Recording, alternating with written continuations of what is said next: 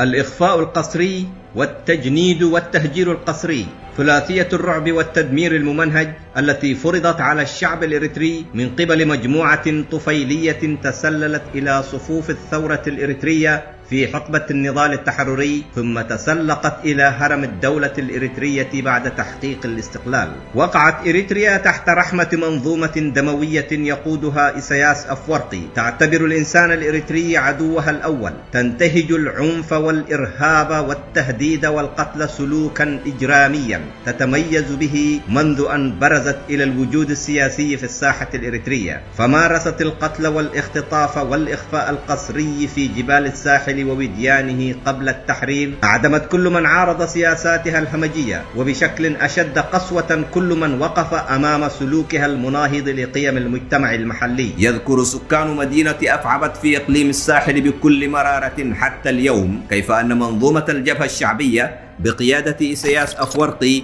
بادرت السكان بحملة اعتقالات شملت ثمانية عشر من قيادات المجتمع في المدينة كأول عمل تقوم به عند وصولها إلى المدينة عام ثمانية وثمانين من القرن الماضي. ليتضح لاحقا أنها أعدمت أولئك الرجال وعلى رأسهم الناظر صالح والسعيد ذبحا بالسكاكين في أمهيا على بعد ثلاث كيلومترات من المدينة. أما الجناة المسؤولون عن هذه المذبحة فهم المجرم إسياس أفورقي والهالك المجرم نايزقي كفلو والعقيد المجرم سلمون بلاي الذي يشغل حاليا منصب مدير الأمن لإقليم الساحل وسنحيت حسب التقسيم الأمني الذي يختلف عن التقسيم الإداري للأقاليم الإريترية. وما زالت جريمة التصفية الجسدية الغادرة لرجل الأعمال المشهور حامد محمد سالم أبدحسو عالقة في أذهان الأهالي حيث أعدمته العصابة المجرمة رميا بالرصاص أمام جمهرة من السكان. لم تشبع هذه المنظومة الإجرامية من دماء الشرفاء من أبناء المجتمع الإريتري وأصبحت تلاحقهم حتى في المدن الحدودية في شرق السودان. بالخطف والإخفاء تارة وبالإغتيالات الغادرة تارات أخرى. كما يتذكر سكان كرن وجندع وأغردات وكل المدن والقرى الإريترية كيف أن الجبهة الشعبية قامت باختطاف قادة المجتمع ووجهائه عند وصولها إلى تلك المدن والقرى ثم أنكرت وجودهم في معتقلاتها ولا يعرف مصيرهم حتى اليوم. يعيش الشعب الإريتري تحت وطأة حملات الاختطاف والإخفاء القسري من قبل كتائب الموت التي يديرها إسياس أفورقي رئيس العصابة الدموية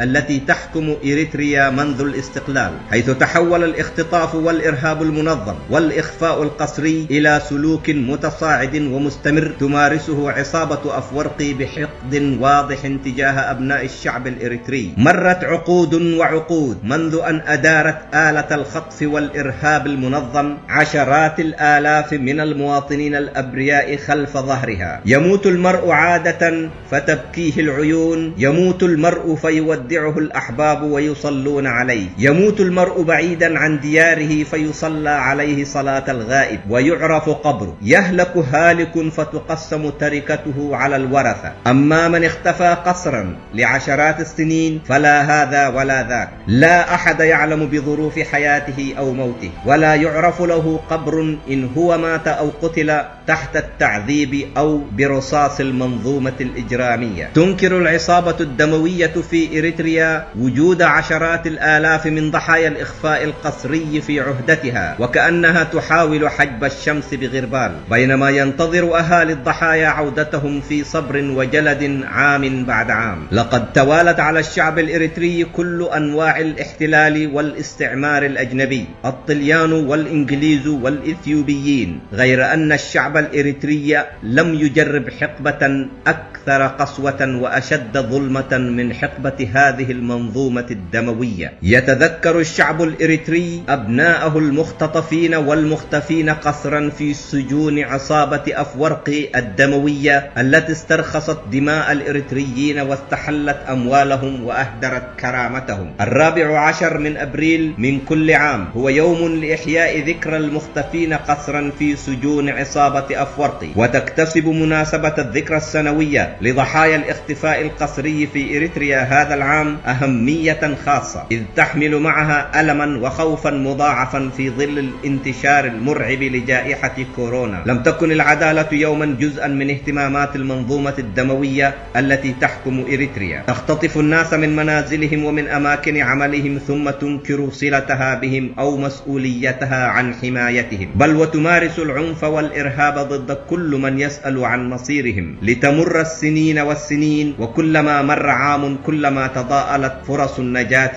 لضحايا الاختفاء القسري تعتبر المقاومة الفردية والجماعية عملا مشروعا بكل القوانين. في مواجهة أي منظومة تديرها عصابات إجرامية كما هو الحال في إريتريا اليوم. أما الخضوع والإنكسار أمام عصابة لا تعرف الرحمة ولا العدل ولا الكرامة الإنسانية فما هو إلا مضيعة لعمر الشعوب وإهدار لشخصيتها ولكرامتها الوطنية. كانت المقاومة هي الخيار الوحيد الذي فتح أبواب الحرية للشعوب المقهورة على مدى التأريخ لأن من تنازل عن حريته وكرامته مقابل الحصول على السلامة الشخصية المؤقتة خسر كرامته ولم يظفر بالسلام.